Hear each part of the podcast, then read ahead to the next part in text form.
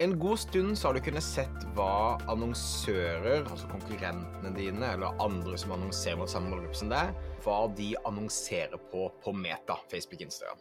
I april har nå Google også rullet ut noe av det samme.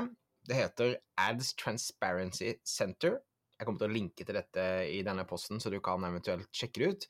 Men da har du faktisk muligheten til å finne ut og se hvordan andre annonserer på Google sin plattform. Du kan se hva slags annonser som er kjørt, du kan se hva slags annonser som vises i bestemte regioner. Også Du kan også se format og datoen hvis den kjører fortsatt, eller hvis den akkurat har blitt avsluttet.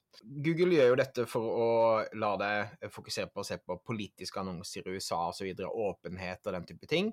Men på samme måte som jeg vet at mange merkevarer bruker Meta Ads Library til å se litt hva andre gjør, hva andre holder på med i annonseverden, så er dette også et glimrende verktøy for å gjøre det samme.